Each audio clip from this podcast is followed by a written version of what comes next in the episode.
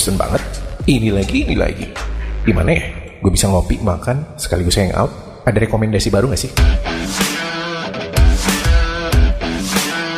Lah, sekarang kan ada NBS ngajak, ngafe, jalan, makan. Yang ngasih tahu kamu semua tempat-tempat asik buat ngafe, makan, nongkrong yang ada di Bandung dan sekitarnya. Hanya di NBS Radio.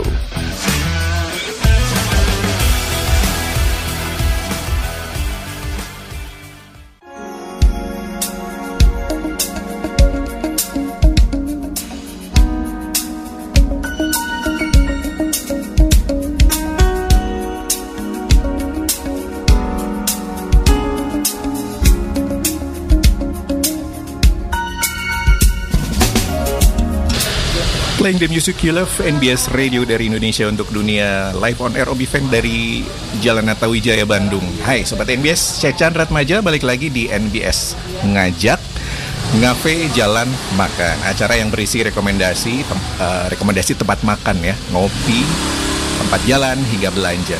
Belanja apa pun, bisa makan, fashion, buku, barang-barang hobi, dan lain-lain.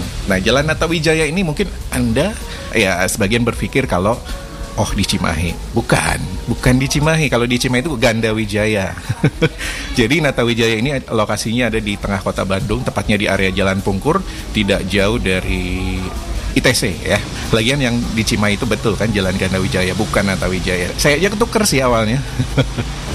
Oke, untuk yang suka sekali dengan kuliner Nusantara dan mungkin juga masih bingung mau buka di mana dan posisi Anda saat ini terjebak juga di daerah alun-alun dan sekitarnya. Langsung aja nanti belok ya ke Jalan Natawijaya. Masuk terus nanti kelihatan lah pokoknya masuk aja terus nanti kelihatan pokoknya ya oke di situ ada satu titik, titik wajib pecinta kuliner karena ada sate marangi jadi anda nggak perlu jauh-jauh ke Purwakarta kalau ngidam sate marangi ya kan Nah, nanti saya akan ngobrol bersama owner, sang owner yaitu Bapak Asep Ritit Karana sambil menunggu waktu buka puasa seperti biasanya.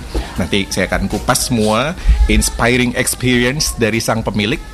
Uh, namanya di sini adalah Sate Marangi 21. Kenapa namanya 21? Artinya apa? Nanti kita akan uh, kupas tuntas ya. Anda juga bisa ikutan ngobrol.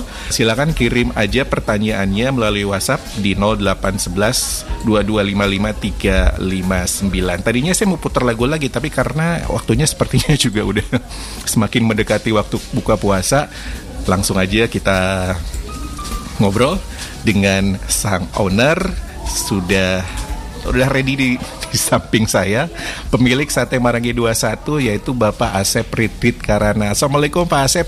Ini teman lama saya sebetulnya pas ketemu di sini. Oh, ini udah kenal. Waalaikumsalam warahmatullahi wabarakatuh. Ya, terima kasih uh, Bang Chandra ya. Ya. Memang kita ini satu alma mater ya. Ya. Oke, dunia sempit ya, Kang ya. Iya. dan dan baru tahu ternyata Kang juga buka uh, buka sate Marangi di sini sejak kapan Kang? Nah, jadi kita uh, bukanya pas awal satu Ramadan. Oh baru ya? Baru baru, satu Ramadan okay. ini kita buka sate Marangi 21 seperti itu. Iya. Hmm. Kenapa sate Marangi dan kenapa namanya 21? Ada hubungannya dengan bioskop? jadi gini ya, kenapa kita memilih sate Marangi gitu ya? Jadi kalau kita kenal, jadi di per, persilatan perdunia satean ini yeah. ya. Kita mengenal ada dua jenis sate. Yang pertama adalah uh, sate Madura. Hmm. nah, sate Madura yang itu sudah ada di seluruh Indonesia. Nah yang kedua ada sate Marangi. Nah kita memilih sate Marangi karena uh, punya kekhasan tersendiri gitu yeah. dibandingkan dengan sate Madura atau dengan sate-sate yang lain seperti itu.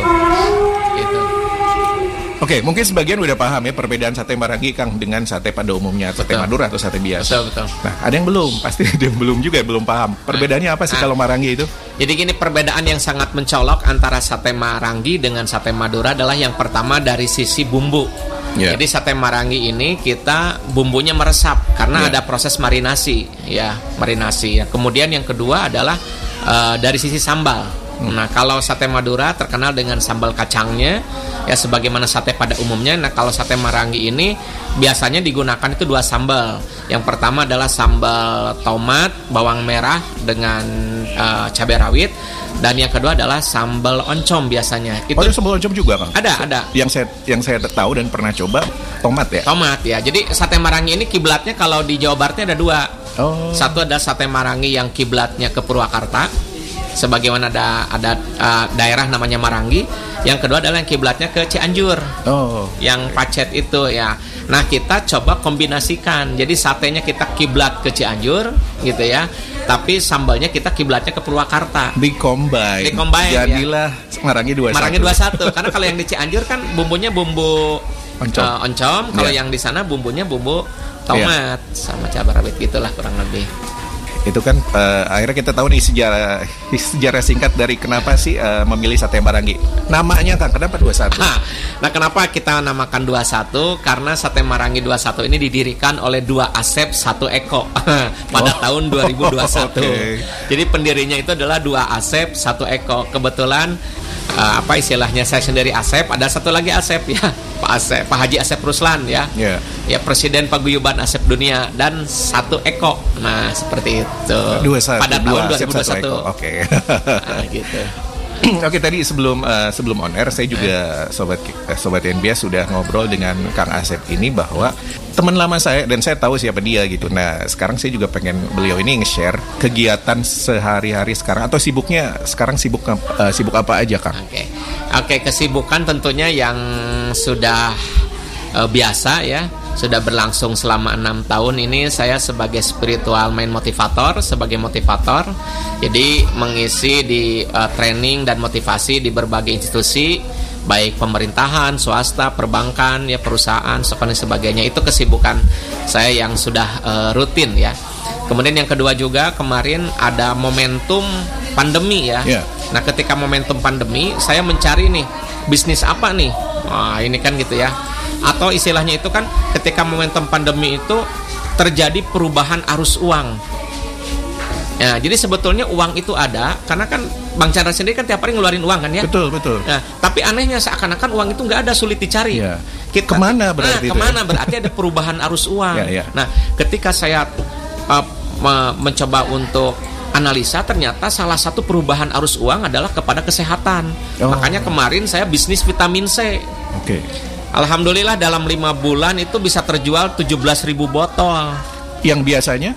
Yang biasanya biasa? enggak, ya biasanya sih orang di kita ini tidak biasa mengonsumsi ya. vitamin ya orang kita ini. Konsumsinya senangnya obat negara kita ini gitu. Beda dengan negara maju. Nah, nah kemudian awal Ramadan ini saya berpikir bisnis apa lagi nih? Ya. Nah, kan gitu ya. Wah, ternyata kuliner karena saya teringat mohon maaf ya ini dari bahasa Bob Sadino almarhum ya mungkin ini konyol gitu ya jadi Om Bob itu bilang sejauh manusia masih ada lubang pantatnya kuliner pasti laku katanya gitu. Betul juga sih. Meskipun agak kasar ya. Meskipun agak kasar. Makanya hanya kuliner Aduh. apa nih yang tepat gitu ya. Ya, oke okay, sobat NB saya ingetin lagi Anda juga bisa ikutan nanya-nanya ngobrol dengan Kang Asep Pritit Karana di sini untuk cari tahu ya tentang Ya, yang pertama pastinya tentang sate marangi, yang kedua tentang beliau ini kan jagonya bisnis. Kebetulan kapan lagi kan ngobrol dengan ahli bisnis. Oke, ditunggu ya di 0811 2255 359 dan kita masih akan uh, masih panjang kebersamaan kita obrolan kita juga masih belum masuk terlalu dalam ya dan sekarang kita jeda dulu kita nikmati lagu bagus dari Phil Collins Another Day in Paradise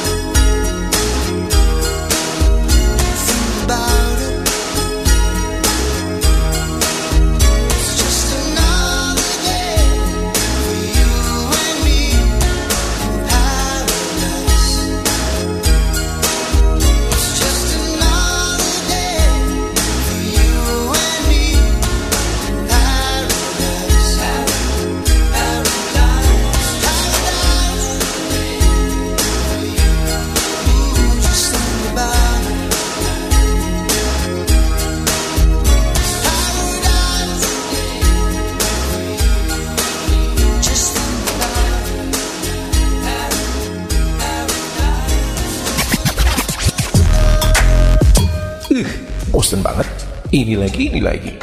Gimana ya? Gue bisa ngopi, makan, sekaligus hangout. Ada rekomendasi baru gak sih? Lah, sekarang kan ada NBS ngajak, ngafe, jalan, makan. Yang ngasih tahu kamu semua tempat-tempat asik buat ngafe, makan, nongkrong yang ada di Bandung dan sekitarnya. Hanya di NBS Radio.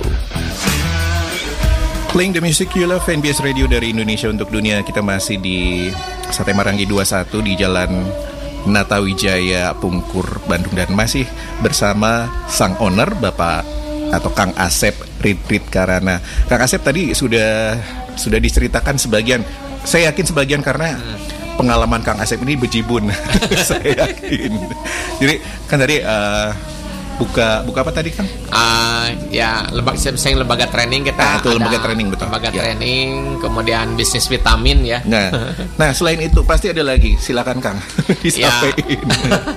Jadi pada prinsipnya gini sebetulnya ya eh, Bang Chandra, abang nih manggilnya. Bebas, Ah, bebas. Bang Chandra ya.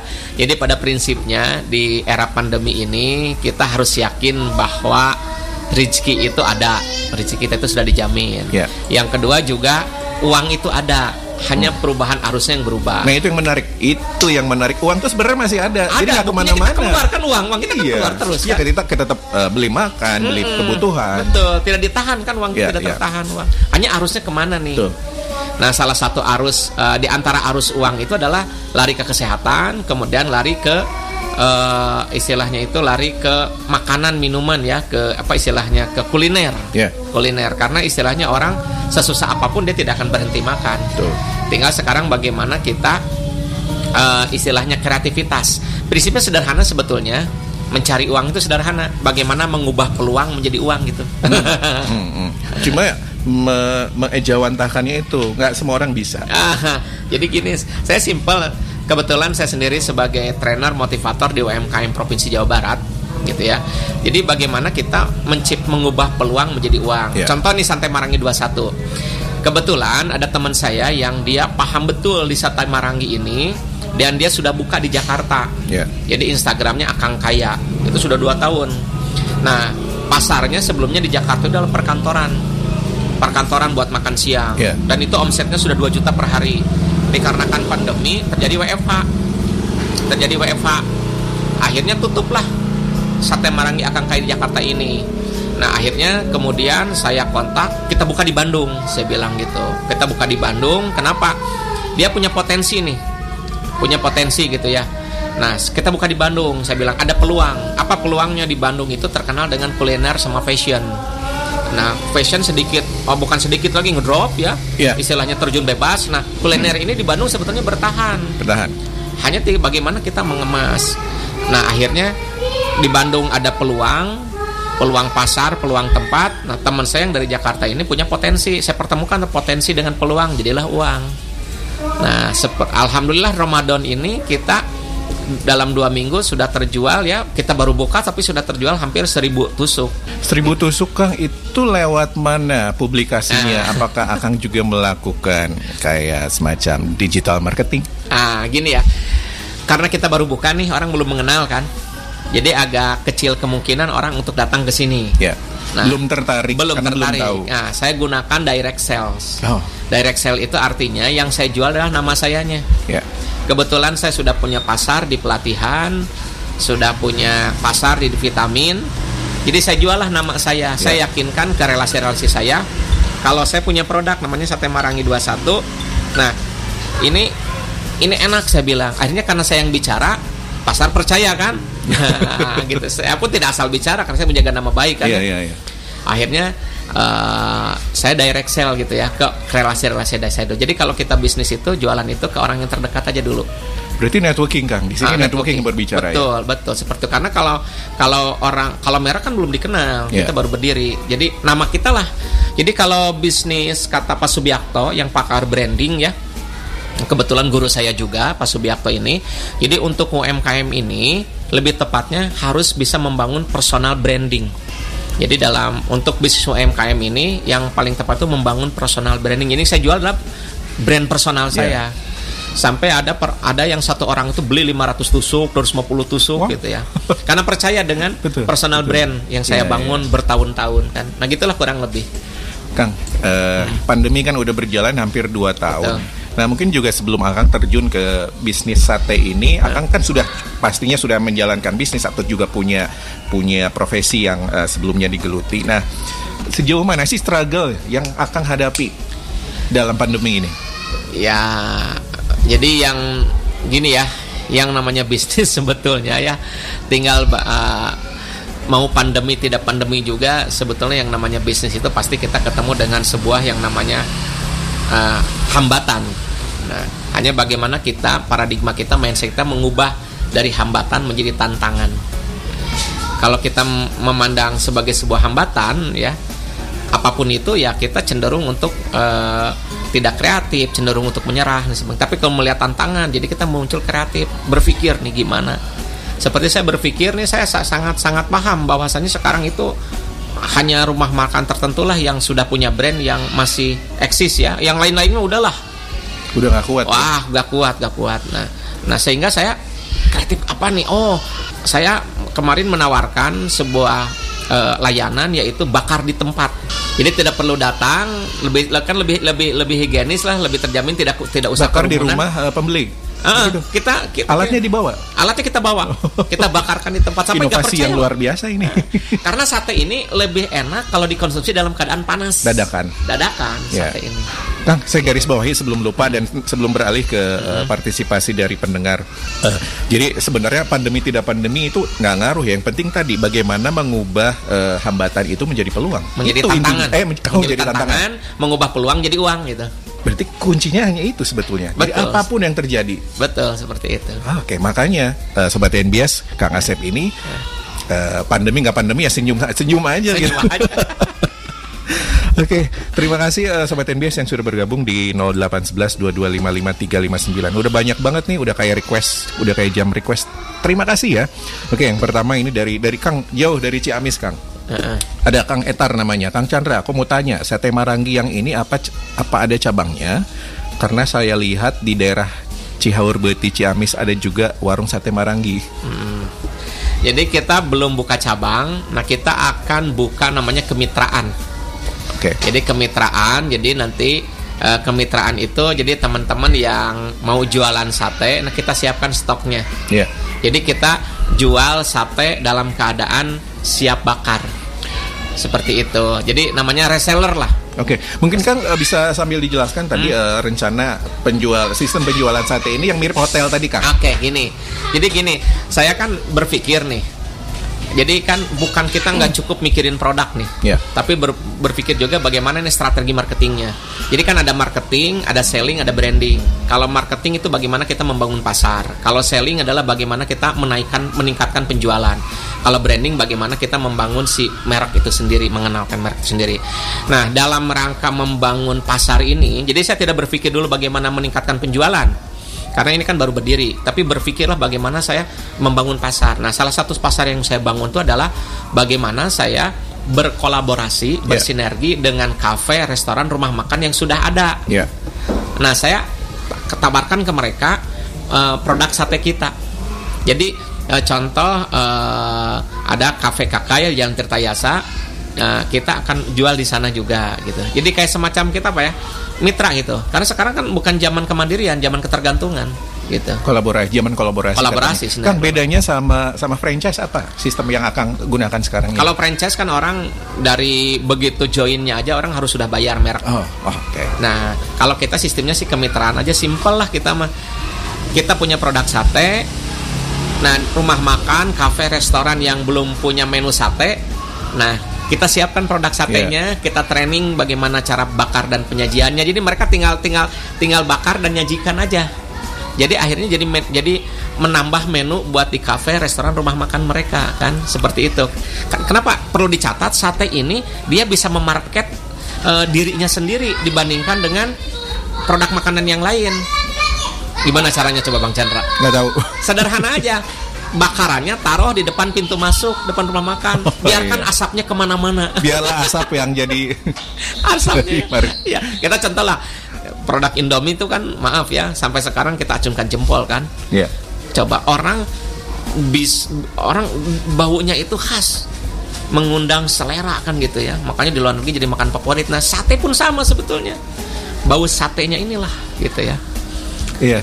Oke, Kang Etar mungkin nanti tertarik bekerja sama biar gampang lah. Nanti ngobrol langsung dengan Kang Asep ya. Berikutnya ada Caca di Andir. Hai Kang Chandra katanya sama Caca nih. Jadi ngiler dan mau nanya itu bahannya daging apa? Ada yang suka pakai daging kerbau katanya lebih enak. Betul nggak itu Kang? Ah, kita menggunakan dua bahan daging. Yang pertama adalah daging sapi, yang kedua adalah daging ayam. Ya tentunya marangi ter, ah, khasnya sapi lah yang namanya marangi itu sapi. Nah, dagingnya kita daging pilihan yaitu daging tenderloin.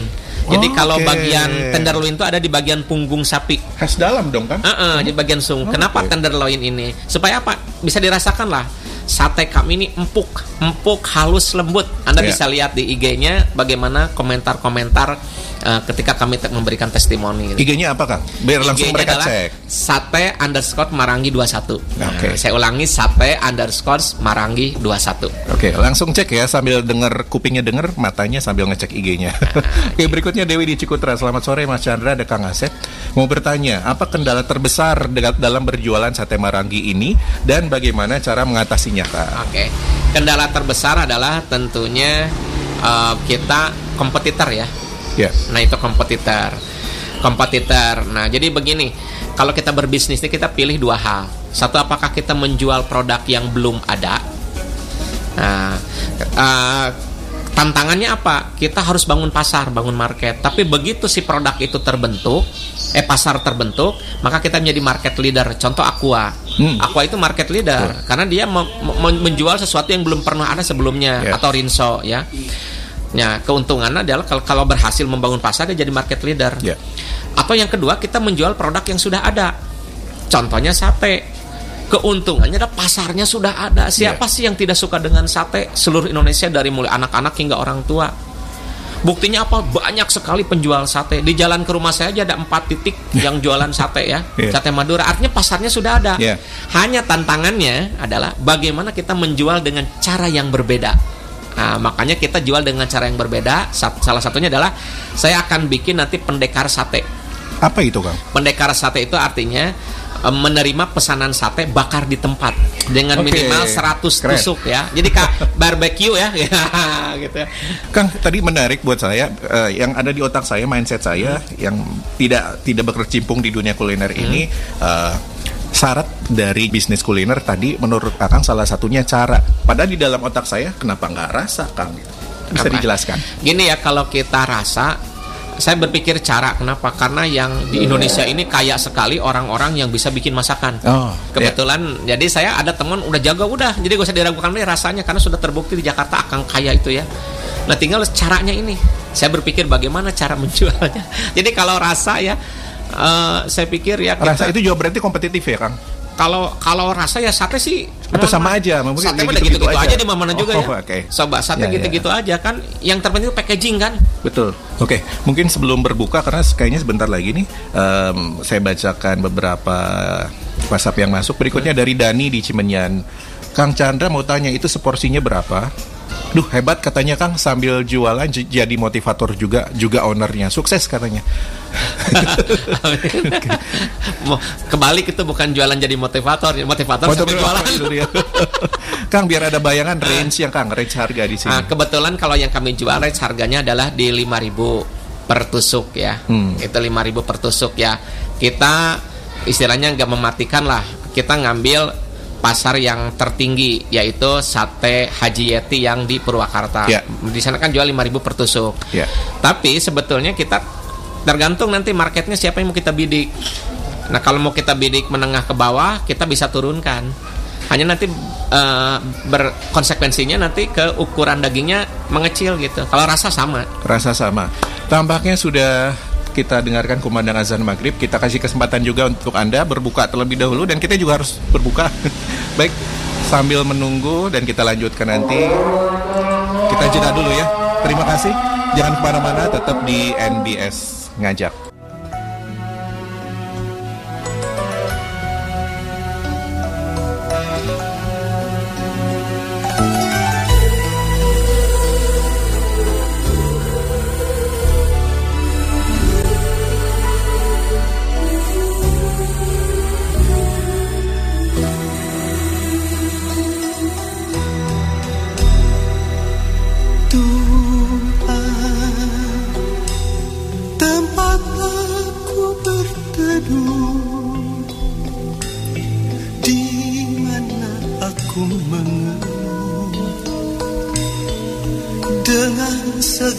Peluh Tuhan Tuhan yang maha besar tempat aku memuja dengan segala doa. Aku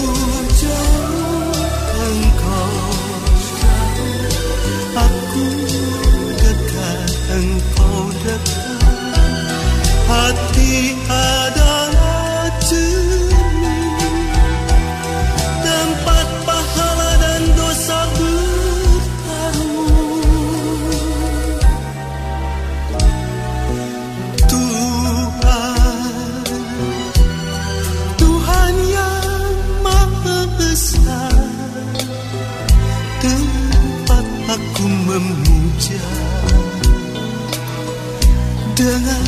segala doa.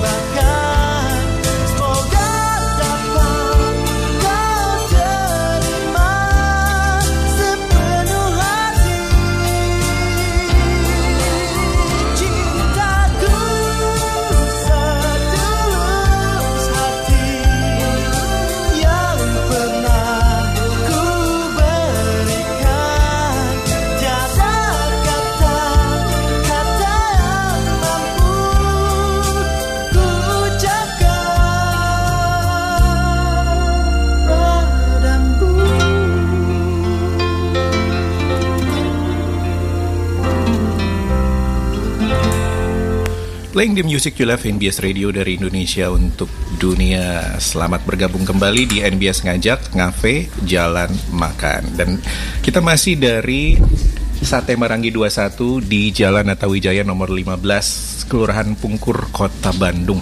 Dan kalau anda Sobat NBS pengen sambil ngeliat-lihat seperti apa sih penampakannya Bisa langsung buka Instagramnya ya di sate underscore marangi 21 Dan selamat berbuka juga kami sampaikan untuk Anda yang hari ini beribadah puasa. Semoga eh, lancar-lancar semuanya dan tetap sehat sampai 30 hari ke depan Eh 30 hari nanti gitu ya.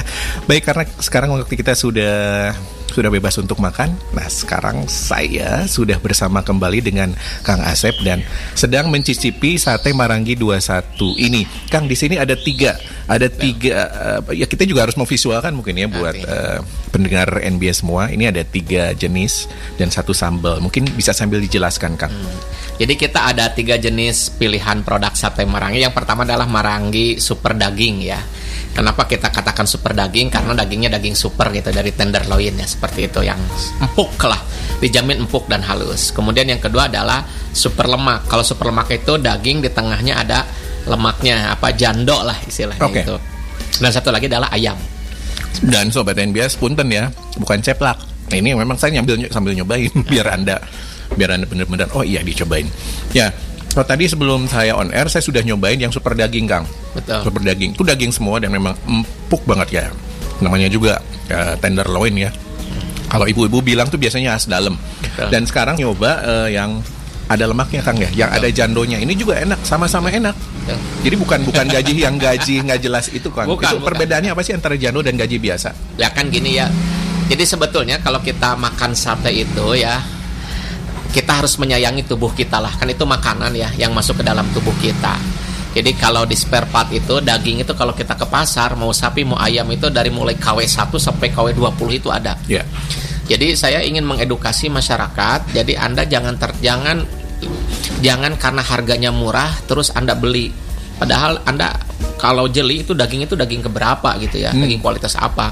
Karena kalau sudah di sate daging apa pun gitu ya atau daging kualitas apa pun eh, rasanya akan sama kalau udah dibikin sate. Nah, hanya kita harus menyayangi tubuh kita. Jadi jangan sampai hanya karena harga terus Anda beli sate yang maaf ya bukan bukan saya ini kan ya.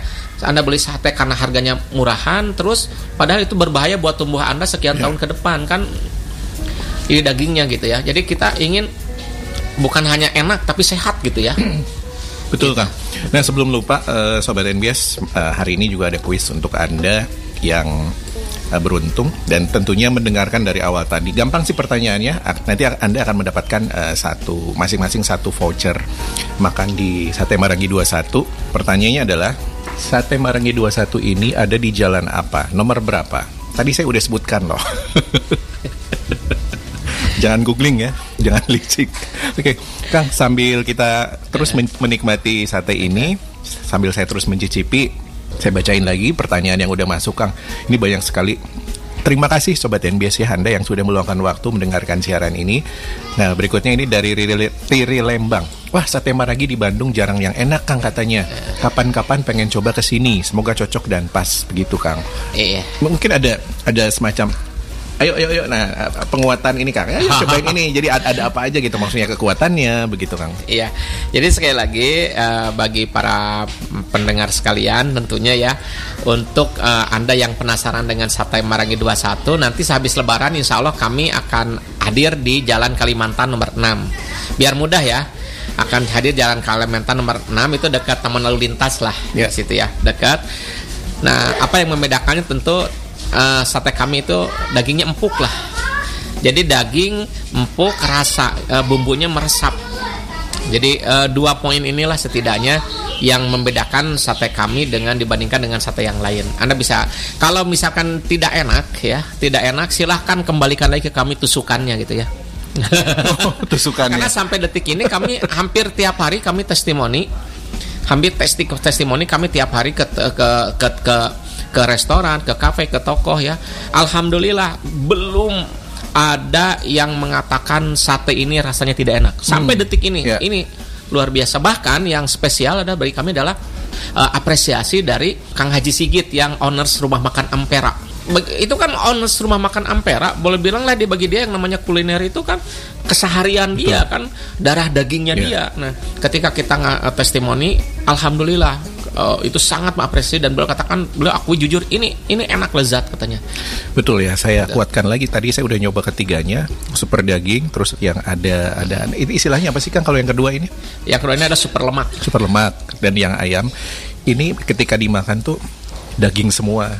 Beda lah pokoknya, daging semua dan gak nyisa. Di lidah tuh gak nyisa apa-apa. Ya ya ya, itu makanan apa namanya? Ya bener-bener makanan yang ya kalau saya boleh bilang ini premium meskipun dengan harga yang terjangkau Kang Betul, ini Kang. betul. Oke, selanjutnya pertanyaan berikutnya atau partisipasi berikutnya dari bentar ya dari dari Abah Kade. Maaf mau nanya bumbu katanya, apakah ada bumbu spesial khusus karena di kompetitor lain biasanya hanya kecap pedas plus bawang. Nah, untuk Marangi 21 apakah ada topping khusus? Mungkin bukan rahasia tapi yang kita lihat di sini aja nih Kang. Apa aja sih sebenarnya yang membedakan juga? Ya bumbunya kita udah ada di dalam satenya. Dalam Oh, proses oke. marinasi itu ya tentunya khasnya rempah lah. Rempah yang paling khas adalah ketumbar. Oke. Itu yang paling eh, mencolok rasa ketumbarnya rempah ya. Kalau di sambalnya eh, sama kita kan kita eh, mengacu ke sate Marangi yang ada di Purwakarta. Sambalnya tomat, bawang merah, kemudian gula, garam dan satu lagi adalah cabai rawit ya. Cabai rawit seperti itu. Ya, kemudian dari Kang Dadang, kondisi daging sebelum dibakar apakah sudah setengah matang atau matang? Ini kok nanya rahasia dapur Ah, sih? nggak apa-apa. Jadi kondisi daging ini sebelum dibakar itu sebetulnya udah posisinya setengah matang. Oh, setengah matang. Nah, sehingga bagi teman-teman beli sate misalkan kita nanti saya juga ke depan ingin kita bikin frozen ya. Jadi kan belum ada nih frozen sate ya. Belum ada ya. Belum ada Kang. Nah, kita ingin bikin frozennya juga sehingga nanti kalau nggak bisa dibakar tinggal digoreng aja sebetulnya. Jadi kalaupun digoreng dengan nasi atau itu ditumis ya, itu udah udah enak gitu. Kang, jawaban barusan ini ada, nyambung ternyata dengan pertanyaan berikutnya dari Rani di Cianjur. Eh, sorry Kang Chandra mau tanya, kalau sate ini bisa jual online tidak? Soalnya saya jauh dari Bandung. Nah mungkin ini bisa jadi pasar juga Kang akhirnya. Ah, jadi sebaiknya Anda saya mengajak bukan hanya jadi konsumen tapi jadi mitra kami gitu. Jadi Anda jual di Cianjur nanti satenya dari kami. Nanti kami training cara Nah, cara pem- pem- penyimpanan, pembakaran Iya. dan penyajian simple lah. Jadi Anda tinggal tinggal kami training cara penyimpanannya, cara pembakaran sama penyajiannya. Selain Anda meng- bisa mengkonsumsi sate, Anda juga bisa jualan sate di sana. Iya. Ya jualan dari eh, apa tuh eh, ini aja direct sales gitu ya ke saudara, ke keluarga, ke teman. Nah dan nanti siapa tahu kan ada yang punya event, Anda bisa masukin satenya. Kerjasamalah dengan catering, dengan apa gitu. Tuh Teh Rani peluangnya besar sekali eh, dan apalagi Teh Rani sendiri juga yang saya tahu adalah passionnya tuh di kuliner. Ini udah kayaknya udah jalan banget, udah dibukakan jalan sama semesta Teh Rani. Mungkin bisa nanti ngobrol langsung ya dengan Kang Asep. Oke, terima kasih yang sudah menjawab ku- eh, pertanyaan kuis hari ini. Kalau saya cek ini ada dua penjawab yang betul dan satu yang salah karena nomornya nomor nomor Maranggi gitu. Tapi mungkin eh, saya maafkan deh. Maksudnya mumpung bulan puasa lah ya. Jadi eh, silakan saya langsung bacakan aja karena ternyata waktu kita sudah mepet sudah hampir eh, ke penghujung. Jadi selamat untuk em, sebentar Nurul di Bandung. Sate Marangi 21 Jalan Natawijaya nomor 15 Pungkur Kebon Kelapa Bandung. Yang kedua Dewi Cikutra Jalan Natawijaya nomor 15 Pungkur. Dan terakhir Teh Rani yang juga jawab Jalan Natawijaya nomor 21 Pungkur dekat Kebun Kelapa. Oke, terima kasih ya untuk Teh Rani, Dewi Cikutra dan Nurul di Bandung. Eh, bagaimana teknis hadiah eh, pengambilan hadiahnya nanti bertanya saja langsung ya ke Chat WhatsApp ya. chat WhatsApp langsung ke Kang. Ya ke Ke kosong Kang Asep ya. ya. Baik, di sini ada di 0821 Ya. 2018 6929. 6929. Oke, sambil dicatat ya sobat NBS Anda tadi eh, Teh Rani, Dewi dan juga Nurul sambil dicatat nomornya 0821 2018 6929 atau mungkin kalau ketinggalan nanya dulu deh ke WhatsApp eh, NBS ya. Baik, Kang nggak kerasa kalau obrolan yang banyak dagingnya ini nggak suka nggak kerasa Kang. Bu- Jadi bukan hanya sate yang banyak dagingnya tapi obrolan kita ini Kayaknya kurang waktu deh Kang. Nih nanti nanti mungkin bi- kita bisa ada kesempatan lagi untuk uh, berbicara dan sharing segala hal yang lebih luas lagi. Kang mungkin sebelum closing ada yang ingin disampaikan yang tadi juga belum sempat tersampaikan silakan. Iya, baik bagi rekan-rekan yang mau bergabung dengan bisnis kami, silakan nanti bisa menghubungi nomor WhatsApp saya ya. Jadi Anda nanti di sana kita ada tiga pilihan. Kita buka kemitraan ya, tidak perlu beli, beli franchise. Ada Anda bisa jadi eh, apa tuh investor, kemudian reseller ataupun mitra marketing kami. Jadi pilihannya bisa menjadi investor, reseller, mitra marketing kami. Dan yang kedua jangan lupa juga di download ya aplikasi NBS ya, NBS-nya gitu ya di Play Store ya, gitu ya. Betul. Bang Chandra. Jadi eh, silakan sobat NBS tuh NBS. tadi sudah disampaikan sekali lagi untuk nomor Kang Asemnya 0821 2018 6929. Jadi bukan hanya beli sate tapi kemitraan juga bertanya-tanya tentang ilmu, belajar lah intinya juga nanti bisa dilakukan sama Kang Asep. Baik atur nuhun Kang Asep atas waktunya di tengah kesibukannya berbisnis sana sini bolak-balik sana sini gitu. Siap. Eh, ini saya saya harap bukan yang pertama dan terakhir Kang, tapi Siap. akan ada per- eh, obrolan-obrolan selanjutnya. Hatur nuhun Kang. Siap, mangga. Sukses untuk bisnisnya. Siap. Dan sukses juga untuk Sate Maragi 21 Hatur nuhun. Assalamualaikum Kang. Waalaikumsalam warahmatullahi wabarakatuh. Baik, eh, Sobat NBS baru saja kita ikuti NBS ngajak ngafe, jalan, dan makan di edisi hari ini tanggal 1 Mei 2021. Terima kasih Anda yang sudah eh, ikutan berpartisipasi, bertanya, dan juga ikutan kuis selamatnya untuk tadi yang sudah dinyatakan menang dan langsung saja konfirmasi ke eh, nomor WhatsAppnya Kang Asep. Kalau begitu, NBS ngajak untuk edisi hari ini saya tutup. Terima kasih. Dan kita ketemu lagi ya di tempat makan uh, atau tempat nongkrong lainnya. Oke, selamat berbuka, selamat uh, sholat maghrib. Oke, sampai jumpa kembali. Saya Chandra Maja. Uh, be bright as a star wherever you are. Bye bye. Terima kasih. Wassalamualaikum warahmatullahi wabarakatuh.